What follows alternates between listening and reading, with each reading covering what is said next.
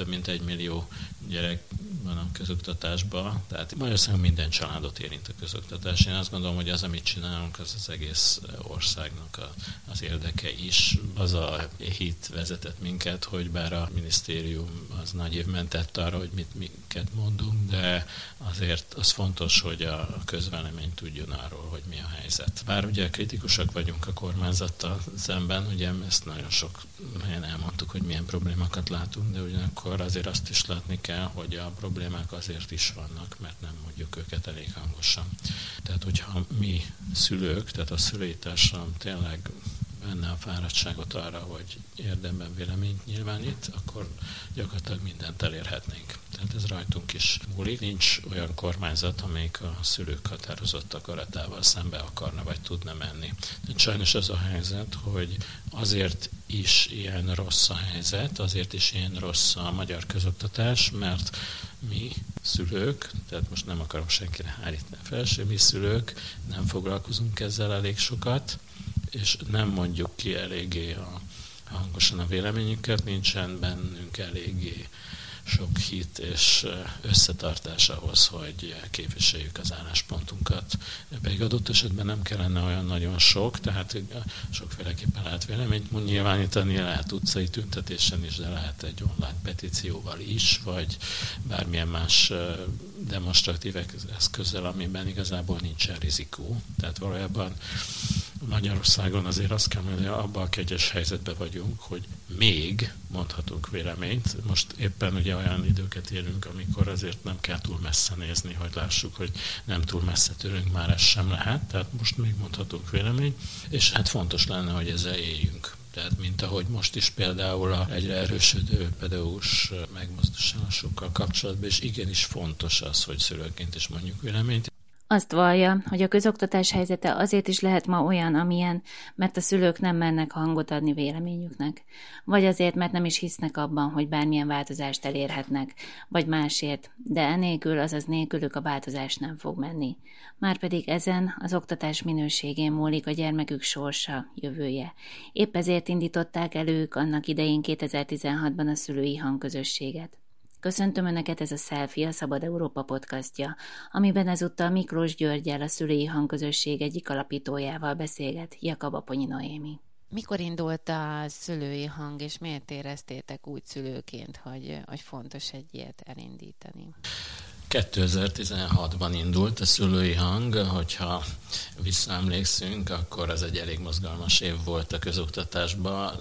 Tavasszal ugye egymást érték a tüntetések, voltak szülői megmozdulások is. Ez volt ez az év, amikor ugye megtelt a Kossuth tér is az oktatás problémáival kapcsolatban tüntetőkkel. Egy, egyaránt volt nagyon sok pedagógus is, de szülő is, és a sok tiltakozás kapcsán többen szülőként is úgy gondoltuk, hogy eh, meg kellene nyilvánulnunk, hiszen szülőként is fontos szerepünk van, ez egyértelműen nem csak a pedagógusok ügye, hogy hova megy a magyar közoktatás, és milyen problémái vannak, ennek kapcsán ugye szülőként is többen egymásra találtunk, sok különböző csoport is indult, aktivitások szerveződtek, és végül 2016 őszére kialakult egy kis csapata. Úgy gondoltuk, hogy hasonlóan gondolkodunk.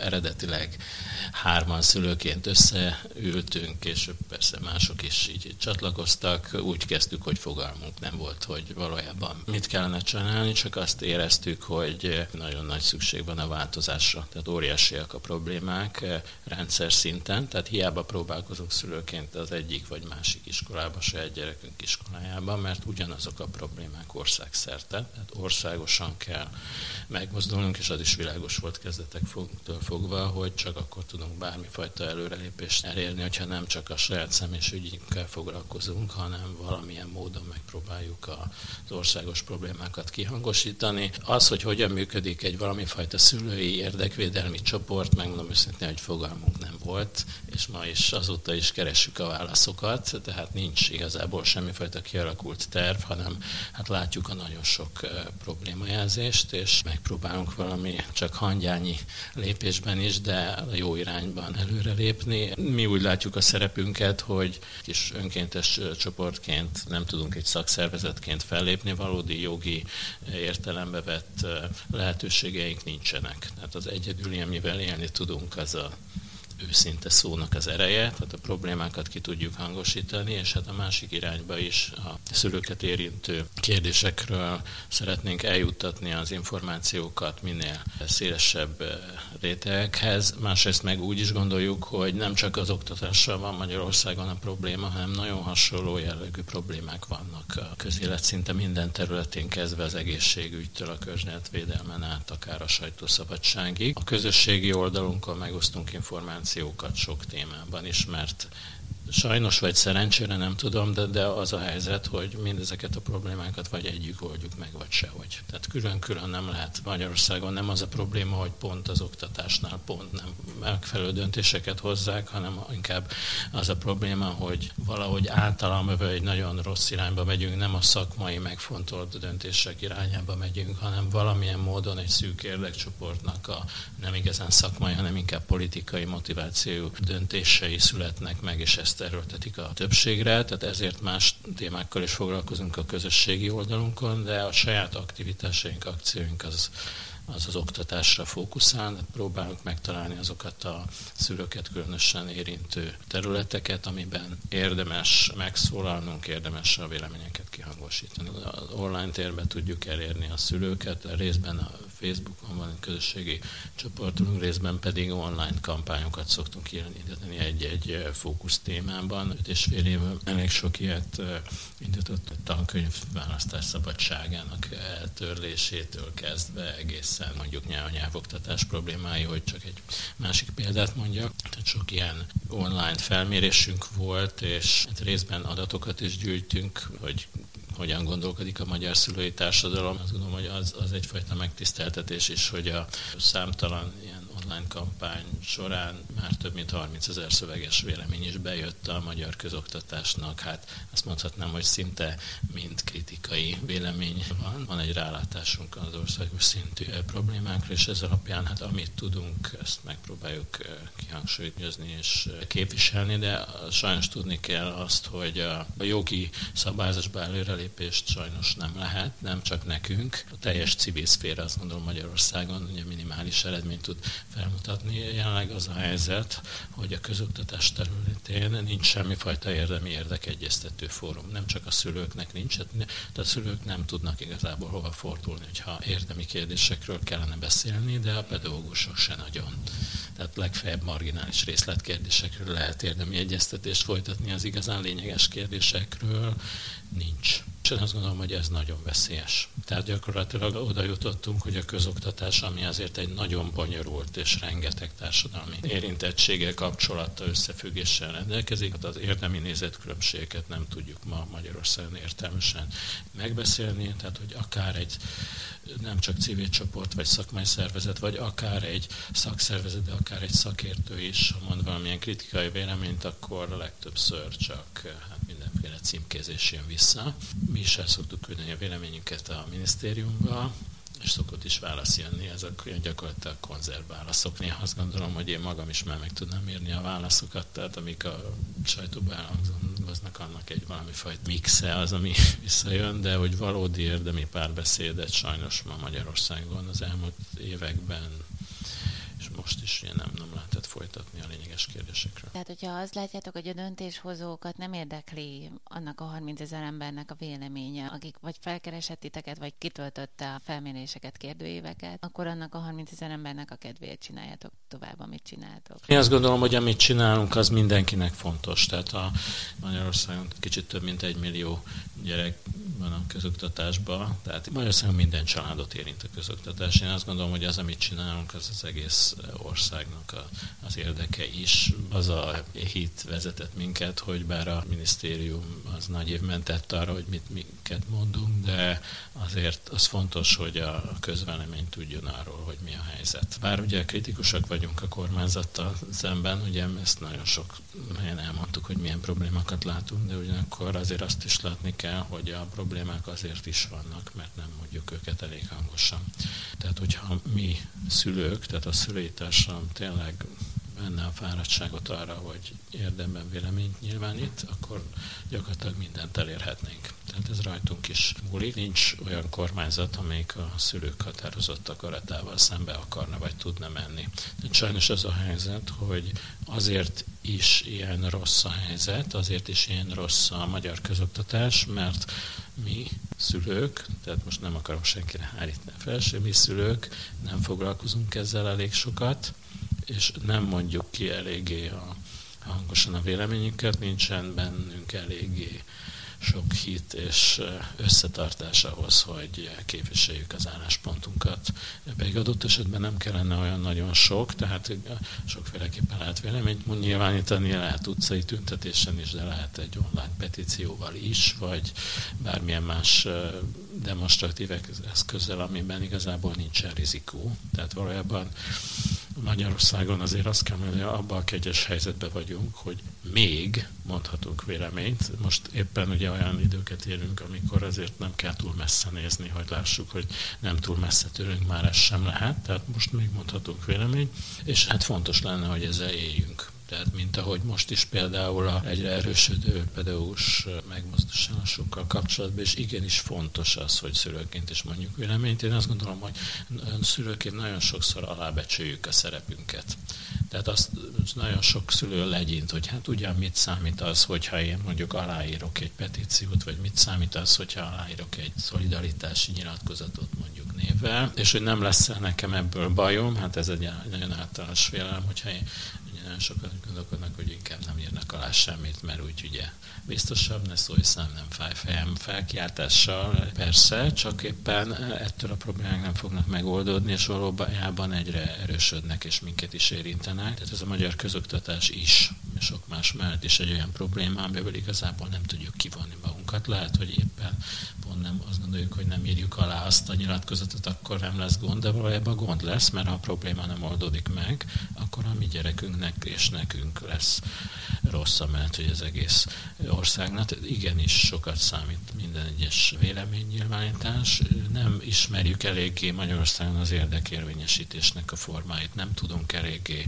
összefogni. Hát ezen szeretnénk változtatni a magunk módján, de természetesen ez egy hosszabb távú folyamat. Én azt gondolom, hogy ha van erre igény, a szülők részéről, szülők megértik, mint ahogy persze mások és pedagógusok is, hogy ez mindenkire vonatkozik, de hogyha megértjük valamennyien azt, hogy beszélni kell, közügyekről, tehát ez nem egy rossz dolog, nem egy bűnös dolog az, hogy majd, hát sokan idézőben nem akarnak politizálni, tehát közügyekről beszélünk, a saját ügyeinkről, a saját gyerekeinknek az ügyeiről, ezzel foglalkozni kell. Ha ezt nem értjük meg, akkor én azt gondolom, hogy el vagyunk veszve. A közösségeteknek mennyire része, vagy mennyire tudtok együttműködni a pedagógusokkal? Ugye van egy olyan régi beidegződés, hogy a szülők meg a pedagógusok között van egy ilyen furcsa viszony, hogy miközben nyilván számítanak egymásra, egymásra a gyerek érdekében, de hogy egymást szokták hibáztatni, hogy hát ez a pedagógus dolga lenne, nem, ez a szülő dolga lenne. Nagyon általános ez, igen, tehát nagyon sok a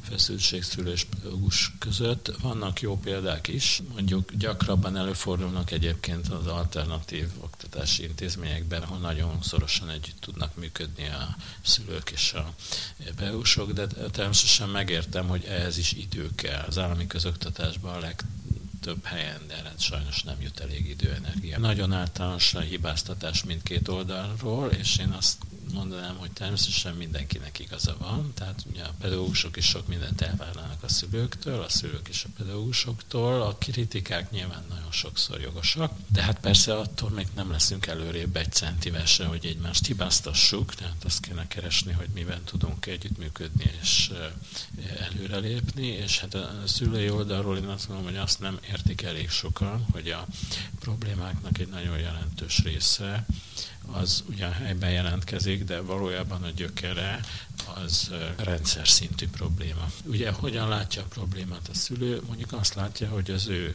kisgyereke mondjuk az iskolában nem halad jól, rossz a teljesítménye mondjuk matekból, vagy a angol nyelvből, vagy bármi másból, és akkor mondjuk szidja a tanárt, hogy nem tud jól tanítani, és lehet, hogy igaza van a szülőnek, de valójában azért számtanokkal lehet annak, hogy miért nem működik. Tehát lehet például, hogy a pedagógusnak megvan minden szándéka arra, hogy segítsen a gyereknek, csak mondjuk es- esetleg nem jut arra ideje, hogy differenciáljon, mert ugye ez plusz idő, energia, hogy ne csak a nagy átlaggal tudjon foglalkozni egy pedagógus, hanem a tehetségesekkel külön tehetséggondozás legyen, aki lemarad, külön foglalkozás, ez lenne persze. Erre nincs idő, pénz, energia. Egyszerűen annyira le vannak terve a pedagógusok. Olyan nagyok az osztály létszámok, hogy erre nincs nagyon sok helyen kellene csoportbontás, de nincs. Tehát ez is lehet egy ok. Az is lehet egy ok, hogy bizony a pedagógusok agyon vannak eh, terhelve, ki vannak sikerelve, tehát lehet, hogy annak az adott pedagógusoknak az már a sokadik, mellesleg kifizetetlen túlórája azon a héten, vagy ha nem is az a túlóra, akkor másoknál kell helyettesíteni, és ettől van lemaradva, de az is lehet, hogy azt az adott tárgyat már csak utazó óraadóval tudták eh, megoldani, mert mondjuk nincs tanár, de az is lehet, hogy az adott tanárnak nincs is képesítése, mert hogy ez egyre gyakrabban előfordul fordul ma Magyarországon, hogy nincs elég képesítése rendelkező tanár, és felvesznek akkor már más képesítésűt. És hát bizony az is elképzelhető egyébként, hogy az adott tanár alkalmatlan pedagógusnak, ez is van. A gyalázatos fizetések miatt sem van nagyon sok jó, tehetséges odaadó pedagógus is, de egyre nagyobb a kontraszelekció. Ez, én azt gondolom, hogy ezt mindenkinek látnia kell. Hogy, és ezek mind-mind, amiről beszéltem, ezek rendszer szintű problémák, csak helybe jelentkeznek. Most az, hogy helybe haragszunk a adott pedagógusra, az lehet, hogy jogos valamilyen szinten, de valójában igazándiból azt kellene felismerni, hogy amíg a rendszer szintű problémákat nem oldjuk meg, amiért pedig a kormányzat felelős, addig nem lesz előrelépés helyi szinten sem. És én azt gondolom, hogy ez az, amire most a egyre erősebb pedagógus tiltakozás is felhívja a figyelmet. Tehát most elértük azt a pontot, amikor a pedagógusok is már megállt parancsolnak, mert hiszen a legjobb szándék mellett sem tudják ellátni a. Kicsit beszélgessünk az iskola érettségről is. Annak idején beszéltetek Maruzsa Zoltánnal is, ti is felemeltétek a szavatokat nagyon sok szakmai egyesülettel együtt, hogy, hogy ne vezessék be ezt az iskola érettségi törvényt, mégis bevezették. Mi most a szülőknek a véleménye erről? Ugye nemrégiben kijött erről egy kérdőív.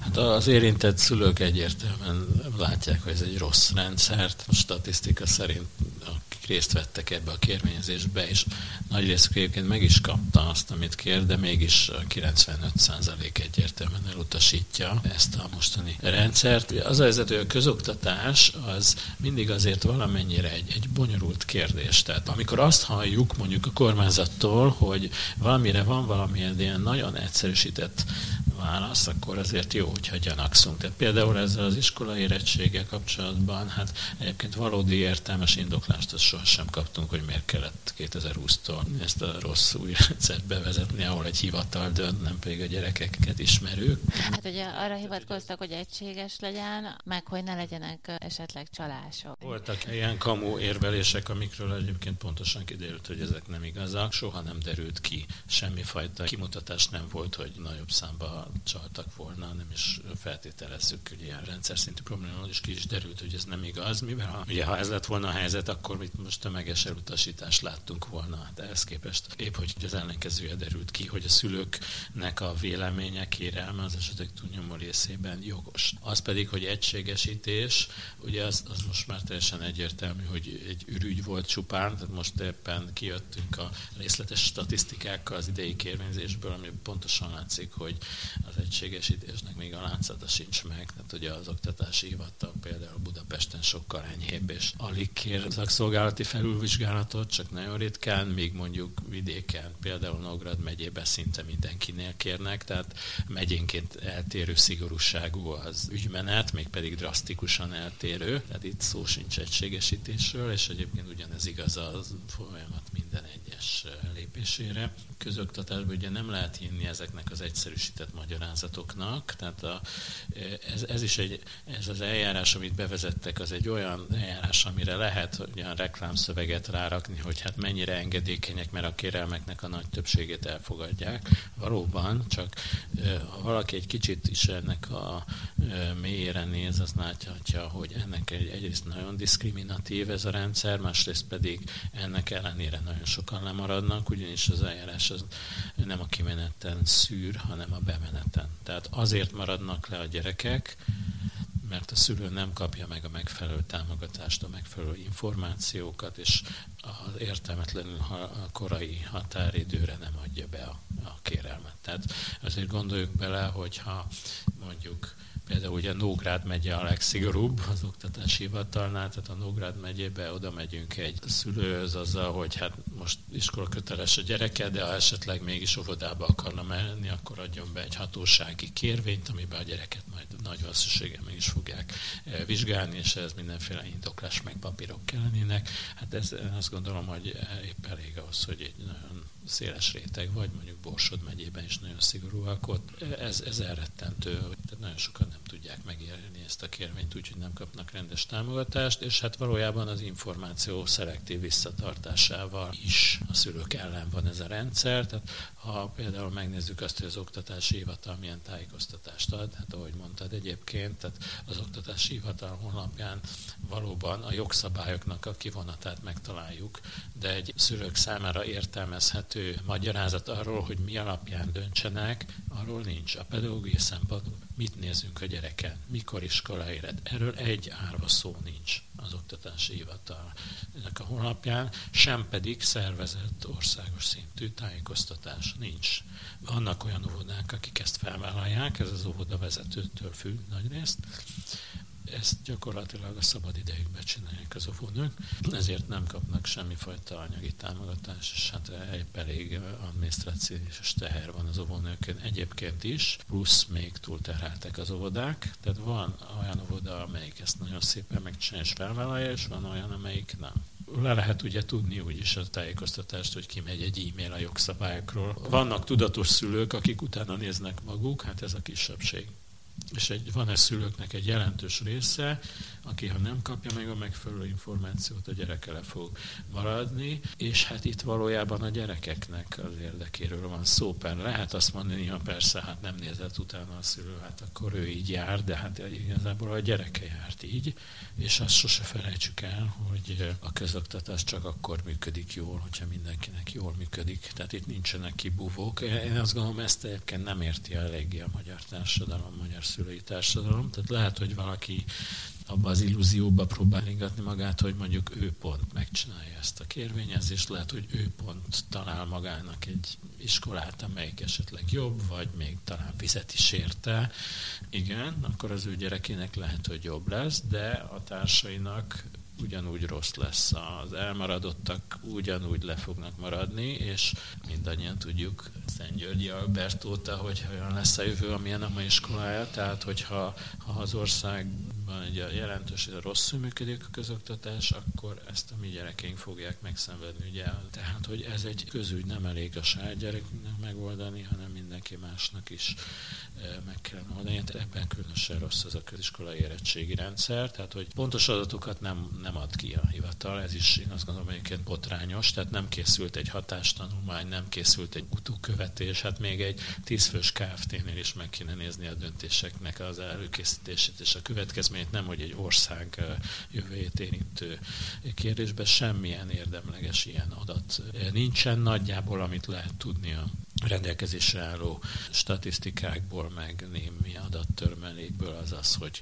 hogy régen a 30-35 ezer gyerek maradt még egy évig az óvodába, és miután bemezették ezt az administratív nehezítést, ez olyan 20-25 ezer között lehet valahol. Ebből, hát én úgy tudom, tavaly 16 ezeren kapták meg kb. az oktatási hivatalon keresztül, néhány ezeren, meg még előzetesen a szakszolgálatoktól, akik én SNI vagy BTM minősítésűek, tehát kicsit talán 20 ezer fölött lehet emelkedett a szám, tehát nagyságrendileg tízezerrel csökkent. Egyébként ugyanezt a nagyságrendileg tízezeres változást mutatja az elsősök számában megjelent hivatalos adat is, tehát körülbelül tízezerrel kevesebb gyerek marad még egy évet az óvodában. Én azt gondolom, hogy ezeknek a döntő többsége nem iskola érett, és nem azért mennek iskolába, mert az jó nem lenne nekik, hanem azért, mert nem kapták meg a megfelelő támogatást ahhoz, hogy gyerek még egy évig a óvodában maradjon, és én, én ezt egy tragédiának gondolom az ország szempontjából. Ez nem egyből derül ki, tehát ez hosszú távon fog kiderülni. A legtöbb esetben nem fogja a gyerek megismételni az első évet sem, tehát még ebből a statisztikából is. Hát lehet ugyan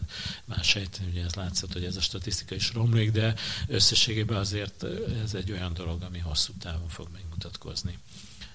És, és nagyon szomorúnak gondolom, mert így nagyon sok gyerek, különösen hátrányos helyzetűek tényleg még az esélyt is alig kapják meg, és hát mindez azért különösen rossz, mert a magyar általános iskolák jelentős része nem tud eléggé differenciálni. Pedig még ha jó szándék, az, az lehet, hogy meg lenne egyébként, de egész egyszerűen nincs arra megfelelő kapacitás.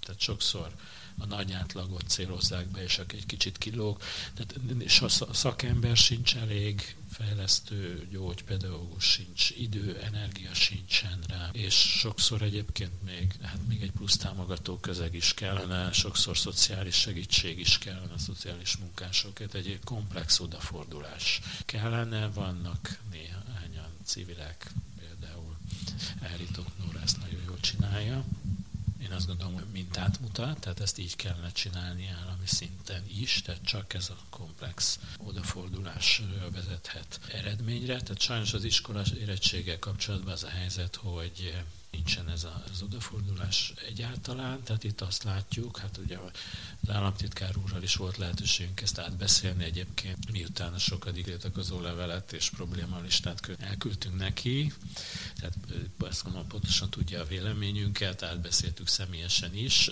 Persze ez jó, hogyha van lehetőségünk beszélni, de érdemi előrelépés nem történt. Tehát az a helyzet, hogy kommunikálni ugyan még lehet, tehát csak nincs következménye. És hát az a szomorú, hogy jelen esetben még a legkisebb részletben sem tudtunk változtatni. Tehát még közben az alkotmánybíróságon is egy érintett szülő kérésére, hogy ez alkotmány elnek ellen nem történt semmi. Konkrét eseteket mutattunk, ugye amikor személyesen találkoztunk az államtitkár úrral és helyettessével, paksamétányi alátámasztott szakvéleménnyel nem, nem történt változás.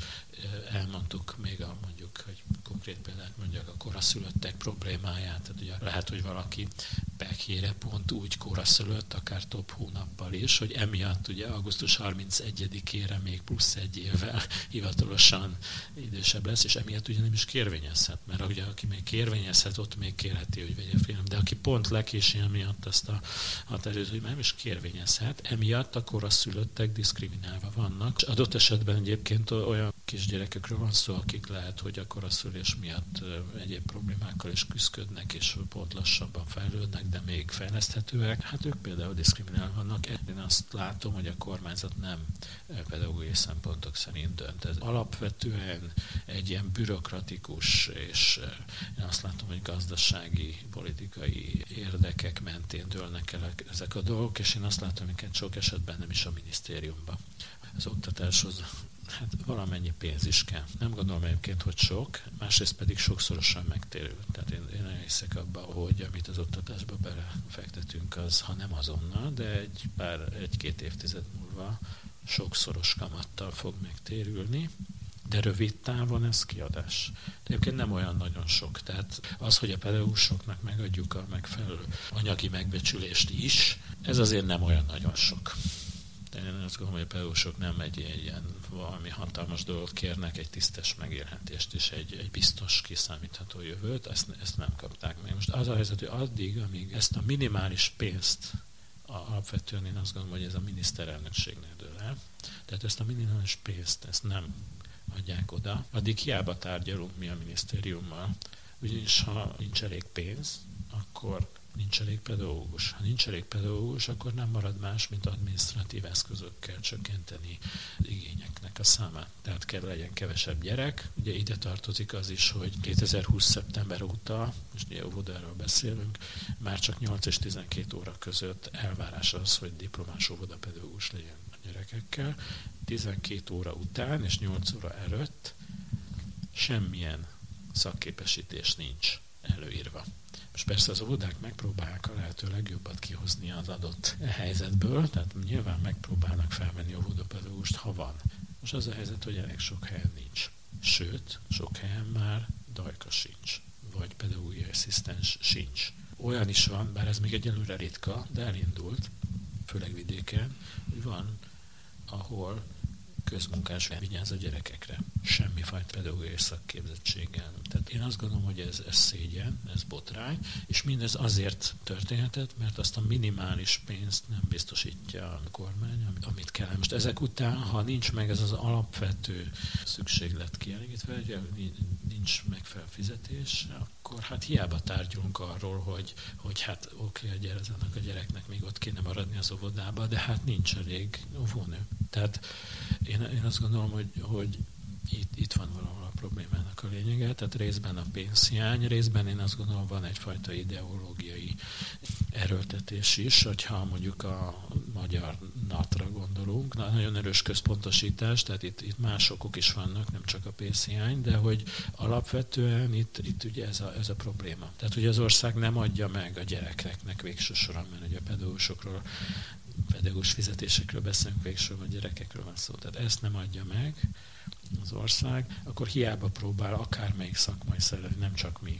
Tehát az, például az iskola értségről kapcsolatban nagyon sokan felszólaltak, ezt nem lehet tárgyalásos úton sajnos eh, rendezni. Sokan kérdezik ugye azt, hogy most ugye hát a tanárok hát miért szájkolnak, vagy miért ne, hogy Isten még polgári engedetlenkednek, miért nem lehet ezt tárgyalásos úton rendezni, ráadásul miért pont a választások előtt kell ezt csinálni, stb. Azért, mert nagyon régóta, nagyon sokan mondjuk a problémákat, a szakmai problémákat. Azzal nem igazán lehet mit kezdeni, hogyha bemegy mondjuk egy szakmai javaslat, és arra mondjuk az a válasz, hogy Soros és Gyurcsány, akkor ugye ezek után nem lehet értelmi párbeszédet folytatni. Az egy nagyon-nagyon szomorú dolog, hogy az érdemi, valós szakmai párbeszéd az ma Magyarországon az a közoktatási érdemi kérdésekben gyakorlatilag nem létezik, és ezért vagy változtatunk, vagy valamennyibe, és, és az ország megy tönkre. Köszönöm figyelmüket, ez volt a Selfie, a Szabad Európa podcastja, amiben ezúttal Miklós Györgyel, a szülői hangközösség egyik alapítójával beszélgetett Jakab Aponyi Noémi.